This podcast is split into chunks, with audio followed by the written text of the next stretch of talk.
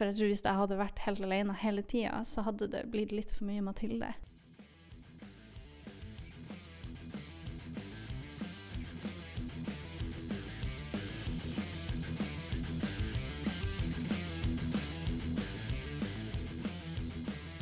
Du hører på Portrettpodden med Mats Lasse Jangås. Det stemmer. Du hører på en episode av Portrettpodden med Mats Lasse Jangås, og min gjest i denne episoden er Mathilde Kajers. Mathilde er en hardt norsk dansekunstner med utdannelse fra den prestisjetunge Liverpool Institute of Performing Arts, og har vendt hjem til Tromsø for å starte eget dansekompani og leve av dansen. I løpet av denne episoden prater vi bl.a. om forestillinga Lux Tempus, som hun for tida er aktuell med, om tida på Lipa, om talentprogrammet Uredd og mye mer. Jeg ønsker dere god fornøyelse, og her er Mathilde Kajers. Ja, um, jeg så jo at eh, Kulturrådet utlyste en ekstraordinær utlysning i forbindelse med koronakrisa. Um, og jeg tenkte at det må jeg hive meg på og prøve å søke. Um, og hadde en slags tanke om å gjøre noe utendørs. Ehm, og jeg ville gjerne jobbe med scenografi. Så da kontakta jeg scenograf og kostymedesigner Mari Lotharrington. Og hun fikk med seg eh, også scenograf og lysdesigner Torbjørn Sandnes. Og vi hadde et møte. Og jeg sa litt hva, hva jeg tenkte, og så begynte vi jo i det mylderet og kom til slutt fram til prosjektet som heter Lux Tempus. Um, så det er da et samarbeid mellom oss tre. Um, og det er da en utendørs installasjonsforestilling som da kombinerer installasjonskunst, interaktiv kunst og samtidsdans.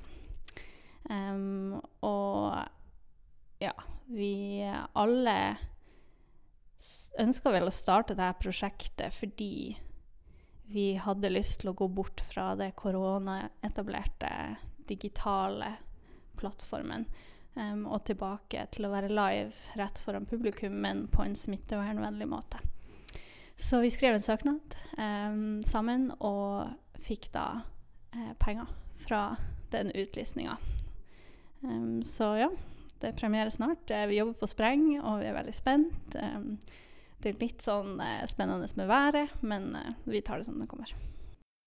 Mathilde hadde mandag 24.8 premiere på Lux Tempus.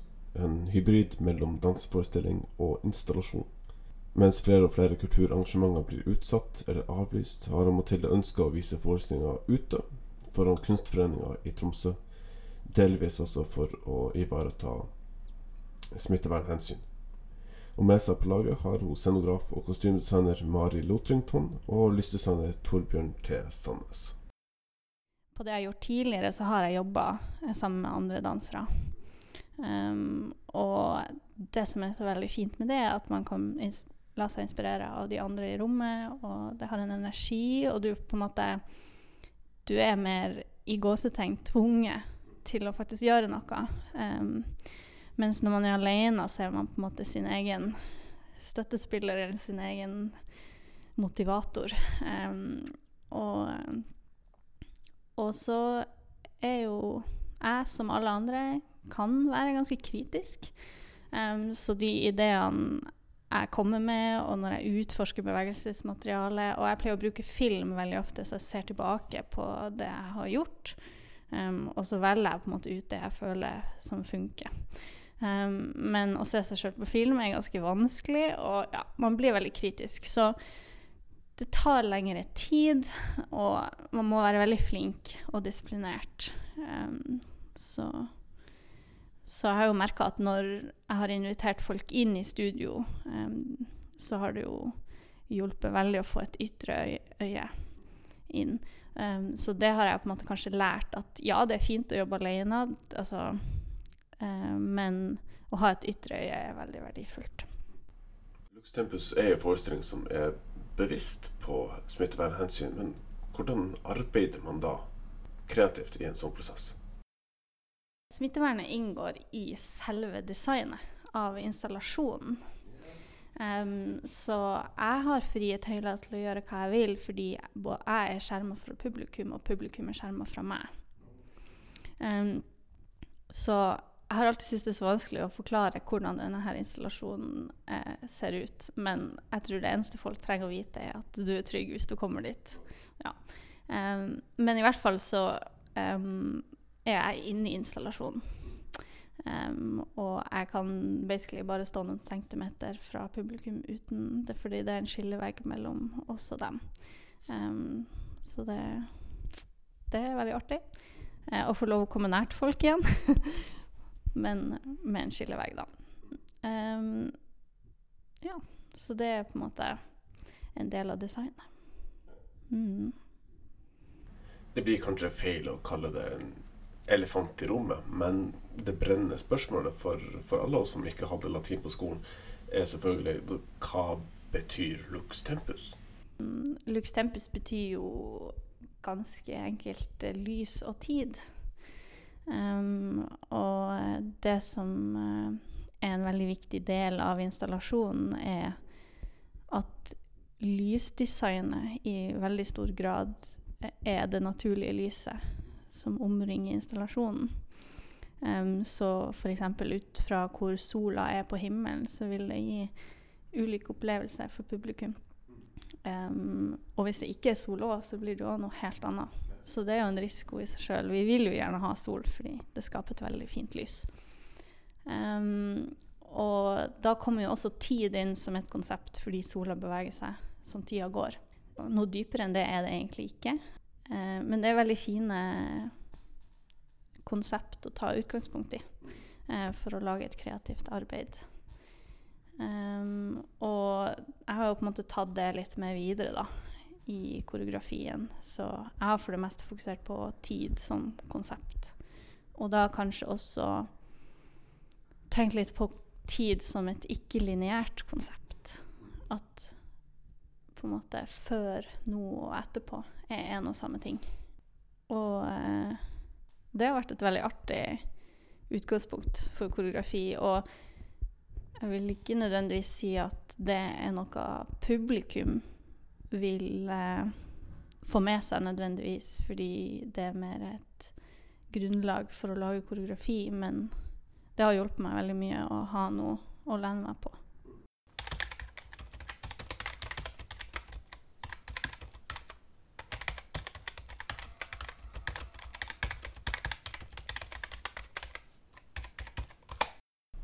Mye av kulturelt innhold den siste tida har blitt eh, digitalisert og gjort tilgjengelig for publikum som naturligvis ikke kan være til stede i selve salen.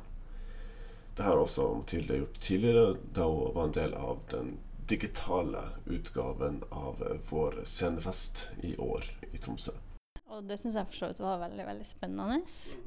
Um, men det måtte skje i i veldig full fart. Og det var en plattform jeg ikke hadde jobba med før.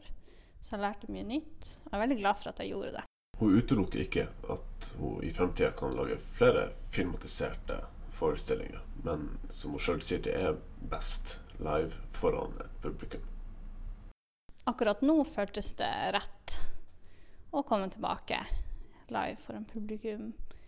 Egentlig fordi jeg tror jeg liker det best. Jeg vil egentlig tilbake til det jeg også kan. Eh, fordi det digitale virker, er fortsatt så fjernt og ukjent. Så jeg har lyst til å teste litt mer og prøve meg litt mer fram før jeg på en måte jobber med det igjen. Og faktisk ja, slippe noe ut i verden. Eh, for jeg vil veldig gjerne at det skal bli bra. Um, mens live, uh, det får jeg til. Ja. Så det føles mye tryggere og mye bedre. Mm. Vi starta med en skisse. Og det har vært mye diskusjoner fram og tilbake. Og Torbjørn og Mari har på en måte kommet med løsninger. Fordi jeg kan jo egentlig ingenting om scenografi og installasjonskunst. Og de har jo utrolig mye kompetanse. Um, og kom jo til slutt frem til en installasjon som uh, kunne fungere. Mathilde kom til meg og sa skal vi gjøre et smittevernvennlig prosjekt sammen? Ja, sa jeg. Eh, Så det var utgangspunktet, var egentlig bare samarbeid. Og så eh, har vi kollektivt kommet frem til denne ideen da, som er en installasjon som skal stå ute. Stemmen du hører, tilhører scenograf Mari Lotrington. Og jeg hadde, eller vi, da, hadde lyst til å lage noe som kunne eh, speile omgivelser, samtidig eh, ivareta smittevern og eh, legge et fokus på Mathilde som solodanser. Holde henne separert fra publikum uten at hun kommer for langt unna fysisk. Tanken var jo at, eh, ja, at publikum skulle kunne se det på en trygg måte. Så det var jo på en måte utgangspunktet, og så jobba vi derfra. Um, men også um, et veldig viktig element er jo igjen lyset. Um, fordi det materialet vi har brukt em, Når lyset skinner på det, så gir det en spesiell effekt uh, inn i installasjonen. Så det blir jo en slags lysinstallasjon også. I tillegg til at det blir et slags arkitektonisk verk også, som er ganske majestetisk. Um, og så uh, har vi laga skillevegger, sånn at en hel familie kan stå inne i en slags bås da, um, og være fraskilt fra nestemann. Um, og så kommer man veldig nært, og det er veldig fint, syns jeg. Vi hadde lyst til det her med glass, å separere Mathilde fra publikum med glass. Så det er det som måte vi har fortsatt med den ideen. Så nå er det vi har endt opp med en installasjon som er en, det et dekagon, men det er altså en tikant. Eh, som eh, hver kant er, eller hver side er i tre eh, polikarbonatplater som er rastglass.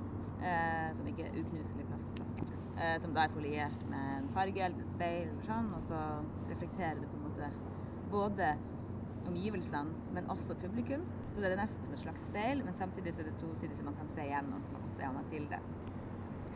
Eh, så ideen er jo egentlig liksom kunstnerisk konseptuell, da, i, i den forstand at, at det er det her med at vi vil speile verden rundt oss og oss sjøl, men samtidig oppleve et verk eh, av noen andre samtidig. Og har, vi har ikke nødvendigvis brukt korona um, som et utgangspunkt for verken altså Annet enn at det skal være smittevernvennlig, men som en tematisk greie i, i prosjektet. Um, men samtidig så tror jeg akkurat i denne tida så kommer det Håper jeg i hvert fall at det kan gi noe å komme såpass nært på en utøver. I akkurat dette prosjektet så er jo smittevern et hovedfokus rent praks, praktisk. Men jeg mener jo at vi kunstnerisk har fått til noe som kan bringe andre assosiasjoner til bordet også. Det, det er veldig artig med installasjon at man kan komme veldig nært på. Eh, nesten ansikt til ansikt. Så det gleder jeg meg til.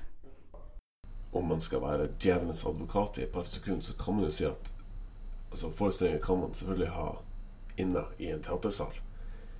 Og fremdeles holde sosial avstand. Men det blir noe helt spesielt når man står ute, og naturen på, på godt og vondt spiller med deg. Og blir et eget element i forestillinga.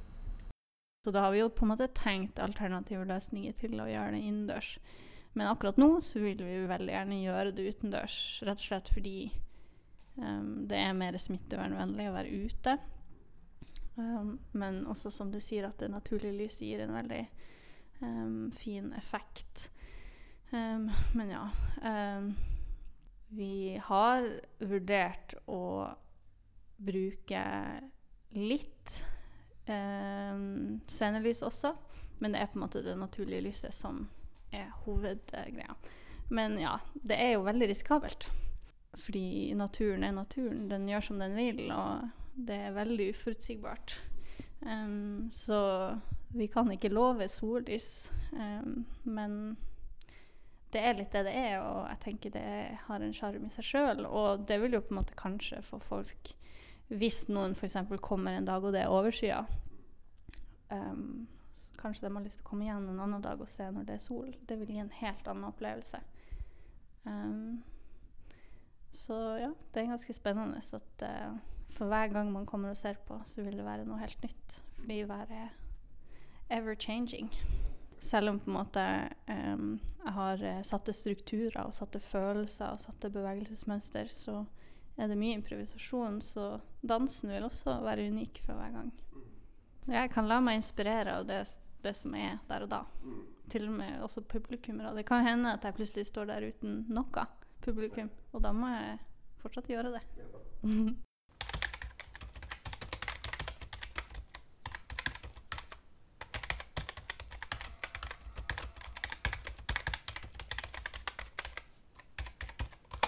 Det er jo igjen tilbake til det å, å komme nært på kunsten og kunstneren og utøveren. Um, og ikke bare de som velger å komme og se på, men også dem som bare går forbi og får den der øyeblikkskunsten der og da som de bare får i løpet av dagen sin. Um, og få, få en kulturopplevelse litt sånn ut av det blå. Jeg vil gjerne at det skal være lett tilgjengelig. Alt forandrer seg hele tida. Lyset forandrer seg, tida går. Jeg danser, eh, publikum vandrer. Um, det er en installasjon som er i live, nesten. Jeg tror det er det. Um, ja, og egentlig også gleden av å få um, en kultur kulturopplevelse i en tid som det her. Det er jo egentlig mest det vi vil. Vi vil gi kunst til Tromsøs befolkning. I en kreativ prosess hvor mye av det kunstneriske ansvaret hviler på sine egne skuldre, så er det veldig viktig å ha et ytre øye. En person som kan komme inn og være objektiv og si hvor ting skurrer, hvor, hva som funker, og gi tilbakemelding. Det har heldigvis hun, Mathilde hatt i denne prosessen. Det er hun Karianne Andreassen. Hun er dansekunstner, eh, også fra Tromsø. Um, hun eh, jobber med en annen produksjon rett ved siden av her. Um, så hun har hatt mulighet til å komme litt innom og, og hjelpe meg. Um, og så er det hun Mari sjøl som er scenografen og uh, har også hjulpet meg de siste dagene, egentlig. og det er veldig viktig, fordi når man er alene, så Jeg har i hvert fall en tendens til å Altså jeg får litt lite variasjon. Um, så det som har vært veldig fint med, med både Mari og Karianne, er at de har gitt meg ideer som altså, ja, som skaper en mer dynamisk og interessant koreografi. da. Uh, for jeg tror hvis jeg hadde vært helt alene hele tida, så hadde det blitt litt for mye Mathilde. Jeg kommer nok aldri til å lage noe helt alene. Det kan jo så klart være interessant, det òg, men uh, jeg syns det er mer interessant når jeg får hjelp fra andre. Du hører på Portrettpodden med Mats Lasse Jangås.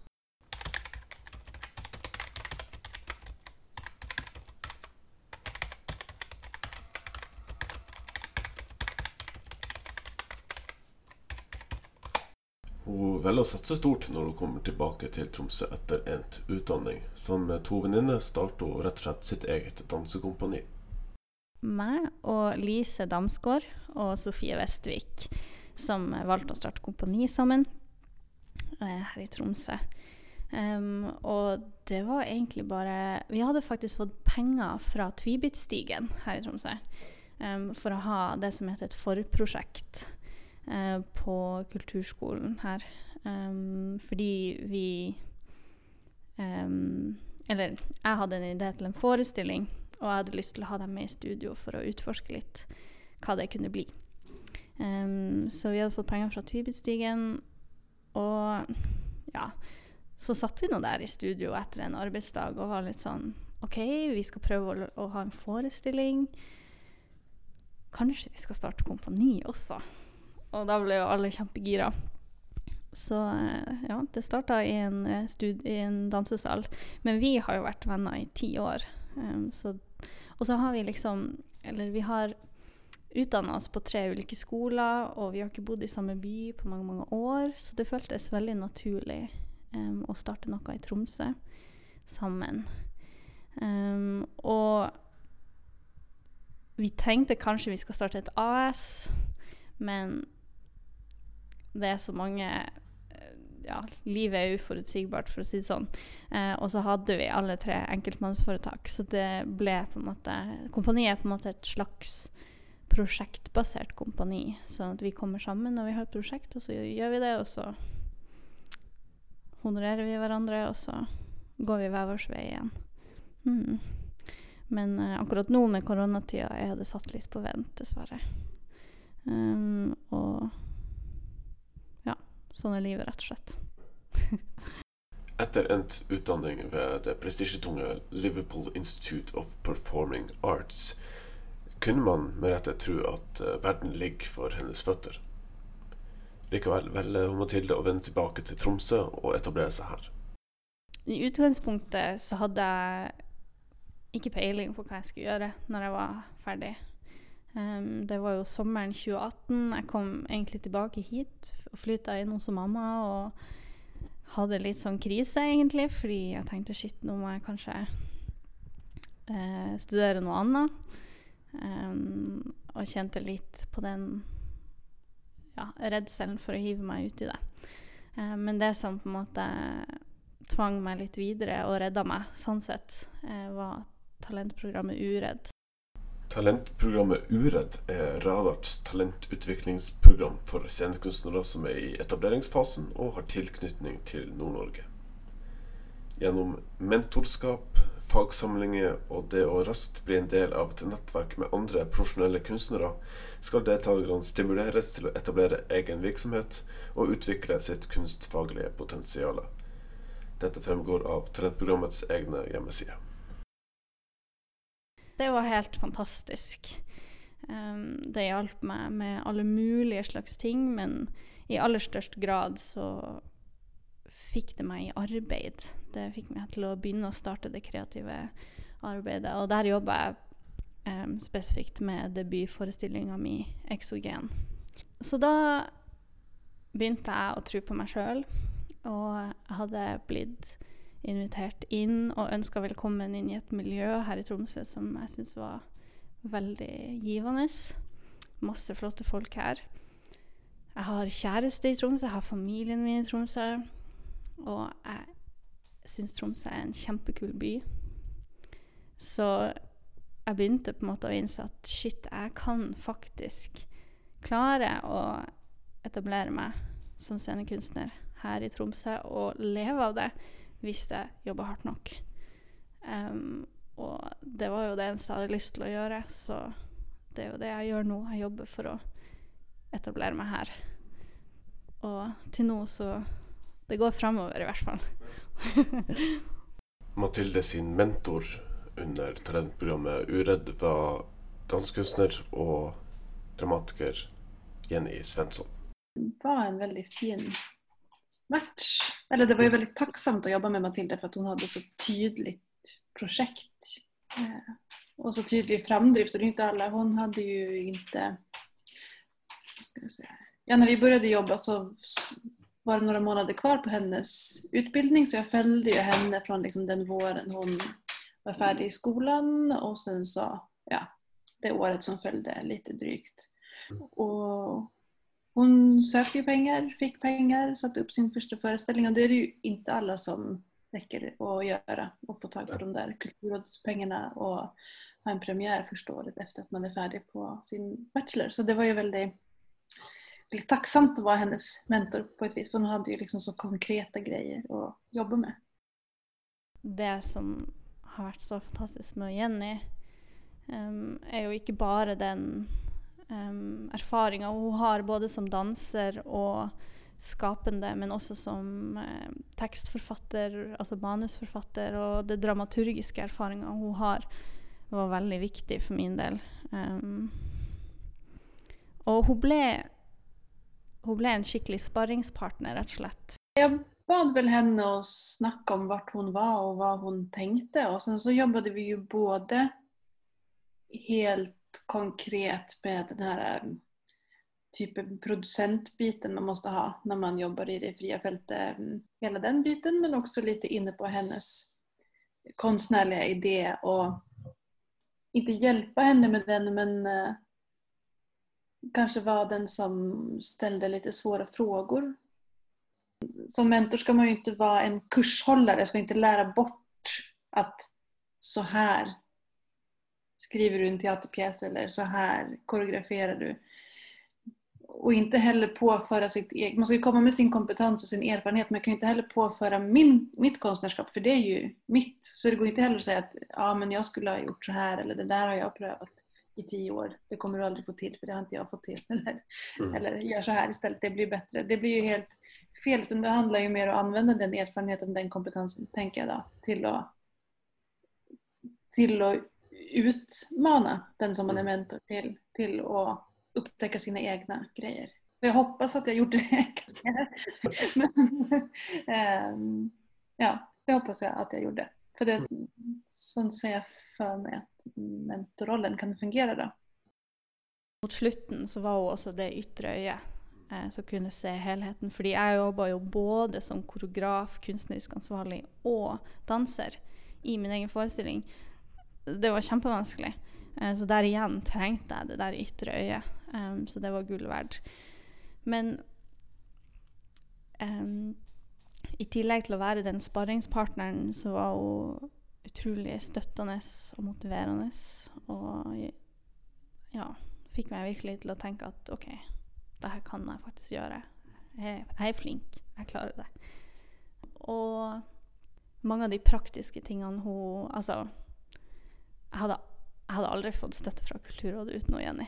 Altså, herregud, hun hjalp meg så utrolig mye med den søknaden, og jeg lærte så mye om hva, hva er en bra søknad gjennom Jenny. Og egentlig gjennom eh, Vi hadde jo masse kurs og sånn i søknadsskriving eh, gjennom Uredd og Nei, det var, det var veldig kult. Og Jenny er kjempekul, og jeg ser veldig opp til henne. Um, så jeg er veldig stolt over at hun var min mentor.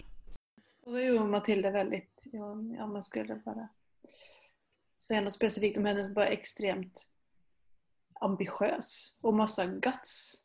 Och inte sitta och vänta eller liksom jag ska pröva lite för mig själv först eller sådär. Nej, jag ska söka pengar från Kulturrådet. Jag ska ha premiär på Kulturhuset och sen så och göra det. Jag har, vågade nog inte göra det första åren när jag var helt färsk ut.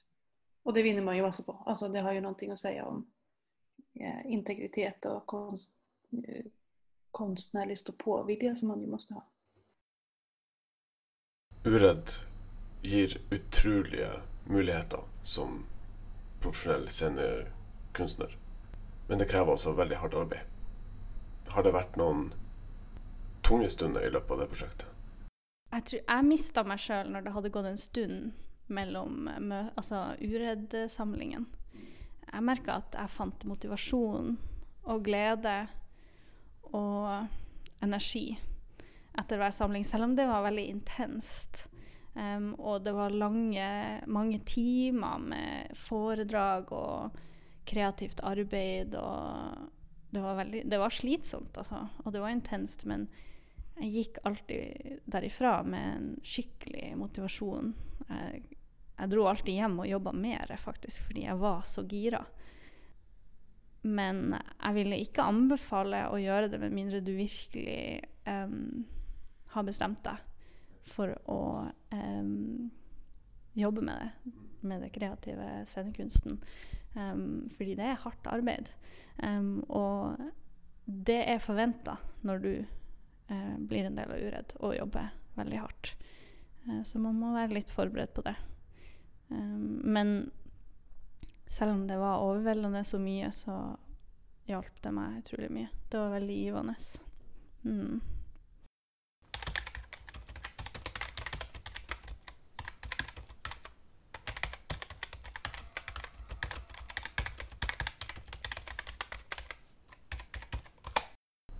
Vi har tidligere nevnt at uh, Mathilde fikk sin utdanning som danser via LIPA. Det må vi snakke litt mer om. Lipa er jo en veldig Altså, danseutdanninga i hvert fall er en veldig allsidig danseutdanning.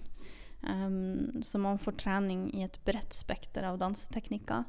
Og i tillegg så får man uh, teater som fag, uh, og sang. Og så hadde vi også acting through song. Um, og musikal. Um, men det som var veldig fint med Lipa, uh, som jeg satte veldig pris på, var at det er en skole som har utrolig mange linjer. Um, så på skolen så har du alt du trenger for å lage en produksjon. Du har lysdesignerne, du har teknikerne, du har scenografene, du har kostymedesignerne, du har skuespillerne, danserne og sangerne. Og musklene. Altså, du har alt du trenger. Um, og når vi hadde våre avgangsforestillinger, så var jo Det var ikke profesjonelle som jobba med um, alle de her elementene. Det var elever. Uh, så alle oppsetningene var elever fra alle linjene som jobba sammen. Og da får man virkelig se hva som må til for å lage produksjoner på en stor, stor skala. Um, og vi var en stor del av det. Vi var aldri separert som bare danserne. Men vi fikk på en måte se hele prosessen og snakke med alle involvert. Og, og, man fikk på en måte også se at hm, man kan være utrolig ambisiøs når man eh, lager forestillinger og alle mulige slags tekniske ting man kan gjøre. Alt man, jeg ble bare utrolig inspirert. Jeg tror det er altså Det inspirerte meg til å tenke at ja, jeg vil òg lage forestilling. Eh, for jeg syns det er så utrolig spennende ut. Med alle mulighetene man har. Um, så det er kanskje det jeg har tatt med meg. Um, det var fysisk ganske hardt. Um, så jeg har også tatt med meg en en stamina, både fysisk og psykisk. og jeg gir ikke opp så veldig lett. men også på en måte at um, Jeg har ikke Altså, noen ganger så syns jeg det er litt synd at jeg ikke har fordypa meg i én spesifikk danseteknikk. Fordi det jeg jobber med i dag, er primært moderne og samtidsdans.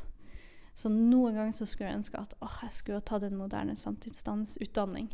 Men så tenker jeg nei, fordi samtidsdans er så bredt. Og jeg har en veldig bred utdanning Um, og jeg merker at jeg drar inn veldig mange ulike elementer i dansinga mi. Um, som um, gjør at stilen min er Ja, det er en blanding av alt mulig rart. Og det syns jeg er veldig artig. At jeg ikke ja, har bare gått én retning og fulgt den stien hele veien. Men at det er litt bredere og mer allsidig. Og, mm. Så det er en veldig spennende skole, og jeg er veldig glad for at jeg gikk der. Mm. LIPA blir på folkemunne kalt Paul McCartney-skolen. Og hvert år når man uteksamineres, har man mulighet til å møte den legendariske musikeren. Men ikke om Mathilde. Nei, jeg gjorde ikke det. Altså, jeg kunne det. Men, uh, men for så vidt, jeg har, jeg har ikke hilst på han, men han kommer hvert år, eller annethvert år, så har han Q&A. Um, så jeg fikk se en Q&A med han og Woody Harrelson, så det var veldig kult. Um, men det er jo det der uh, kjente bildet man får ta, hvor man uh, holder Paul McCartney i hånda og man skal uteksamineres. Men jeg dro ikke på uh, Hva det heter Seremonien, ja. Um, fordi den var midt på sommeren, og jeg hadde dratt hjem til Norge. Um, og hadde ikke råd til å dra tilbake, rett og slett. Så det var veldig synd. Men, uh, men vi hadde nå en fest her hjemme med familien, så det gikk fint. Ja. men nei, det er litt synd hver gang noen spør meg, så er jeg bare sånn nei, nei. og hver gang hun tror hun har kommet over det, så kommer det noen, i dette tilfellet meg, som pirker i såret. ja. ja. det er liksom det, det får jeg høre om jeg møter Paul McCartney. Og om jeg har vært på Liverpool-kamp, og det har jeg heller ikke. Og det er, bryr jeg meg egentlig ikke så mye om, så det går bra. Du hører på Portrettpodden med Mats Lasse Jangås. Jeg har jo på en måte erfart at en kreativ prosess, eller prosessen av å lage en forestilling, eller generelt det yrket jeg har valgt, um, det går i bølger. Så du har de ekstreme highsene, og du har de ekstreme lowsene. Låsene. um, ja, det går opp og ned. Um, så når jeg har det litt vanskelig, så prøver jeg alltid å tenke at det blir bedre. Og det høres jo kanskje litt uh, klisjé ut, og det er jo en er, Når man virkelig har det tungt, så, så har man det tungt. Men da har jeg også tenkt at hvis jeg ikke har lyst til å tenke den der teite tanken at det blir bedre, um, så har jeg tenkt at det er helt greit at jeg har det tungt. Det er lov å være lei seg. Det er lov å være sliten. Eh, det er lov å føle seg håpløs og litt sånn hjelpeløs og teit og dum. Alle de der. Det er så utrolig vanlig å føle på de følelsene, og det er lov. Man skal jeg, For meg det dummeste jeg gjør, er å tenke at jeg hele tida skal være positiv. Um, fordi det gagner meg ikke. Jeg tror Hvis jeg hele tida er positiv, så blir bare alt negativt. Så jeg velger å leve litt i de, de dårlige stundene og, og vente det litt ut til, til det blir bedre. Um, og det er jo altså Jeg har sett sånne bilder på, på nettet som illustrerer hvordan en kreativ prosess er. Og det starter jo med at 'ja, du har en kjempegod idé', yes, yes, yes, yes, yes. Og så begynner du å prøve det ut, og så innser du 'faen, det her er vanskelig', jeg får det ikke sånn som jeg vil. Og så begynner det å gå litt opp, og så bare 'OK, kanskje, kanskje'. Og så bare stuper det ned til at du bare sånn Nei, det er håpløst. Det kommer bare til å bli dritdårlig. Og... Til at rett før forestilling så er det sånn Yes, det her klarer jeg. Og så gjør man det. Um, så ja, etter mange lange uker og måneder på Lipa med forberedelser til forestillinger, så så vet jeg at det, det blir bra til slutt. Ja. Så lenge man jobber hardt og ikke gir opp, så blir det bra. Og det er det jeg tenker med karrieren min òg, er at det er utrolig vanskelig og utrolig givende. Men jeg tror veldig på det der, siden vi lever i et såpass bra land som legger til rette for at vi skal kunne klare det. At hvis du har lyst, så får du penger, og du får laga prosjekter, og du får jobber, og du får jobbe med de menneskene du har lyst til å jobbe med. Og man må bare ikke gi opp. Eh, det er sånn Jeg kommer aldri til å gi opp. For en som for det meste står på utsida og ser inn, så kan hele den kreative prosessen minne mer om myten om Sisyfus i gresk mytologi. Han som til evig tid er dømt til å rulle en svær kampestein opp ei fjellside. Og når han er i ferd med å klare det, så ruller steinen ned igjen. Ja, og til og med når steinen har rulla helt ned, så starter man på nytt. Jeg, har, jeg prøver veldig Det er litt vanskelig, da. Men selv om jeg har, har fått prosjektmidler um, til noen prosjekter nå eh, som jeg satte helt sinnssykt stor pris på, så har jeg fått tre ganger så mange avslag. Um, og en ting som jeg bare alltid prøver å gjøre når jeg får de her avslagene, egentlig før jeg åpner eh, tilskuddsbrevet, da, eller brevet som sier om jeg har fått avslag eller ikke, så, så sier jeg til meg sjøl uansett resultat, så går det fint, liksom. Bare kom deg videre. Og jeg er som regel bare lei meg. Jeg gråter litt med en gang, og så er jeg lei meg en dag, og så er det videre til neste søknad. Og så til slutt så får man penger. Det er bare snakk om når, tror jeg. Hvis man prøver hardt nok, så er det bare snakk om når.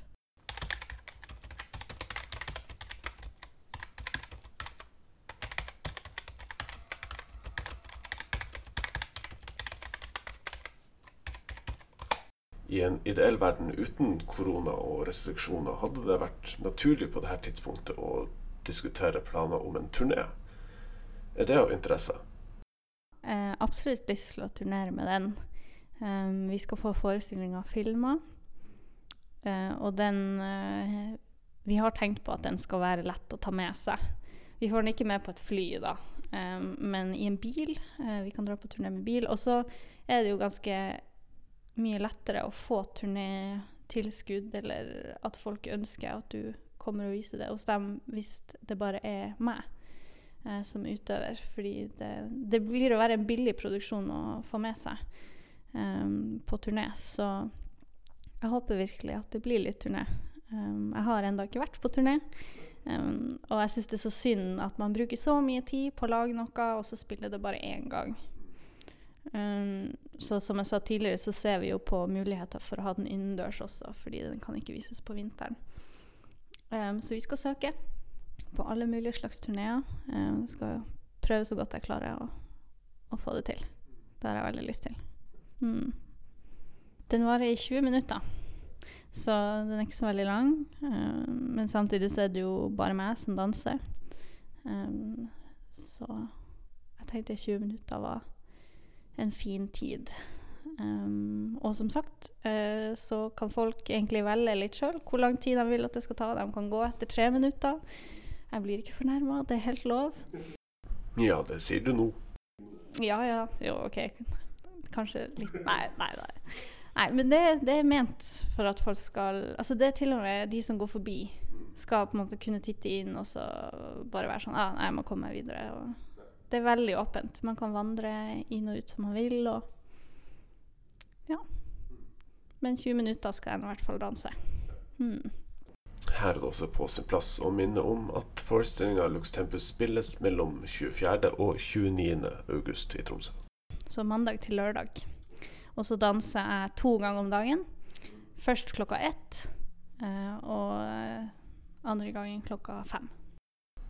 Da er det bare å oppfordre alle som hører på, til å kjenne sin besøkelsestid og komme og se forestillinga minimum tre minutter, så Mathilde ikke blir fornærma.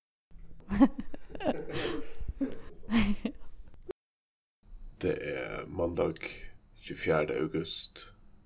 Det er showtime. Mathilde står i en tikanta boks omgitt av farga glass. Det er nesten som om hun er fanga i et rosemaleri i en eldgammel katedral.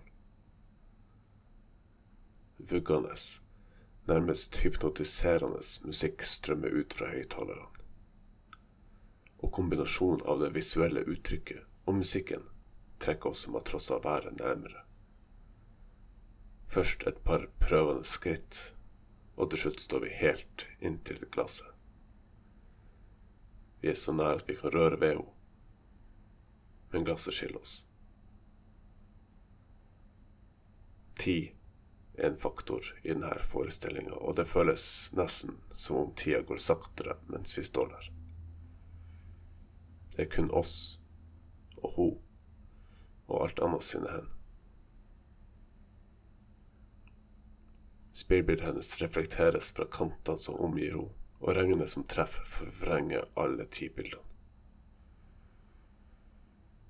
Resten må dere oppleve sjøl.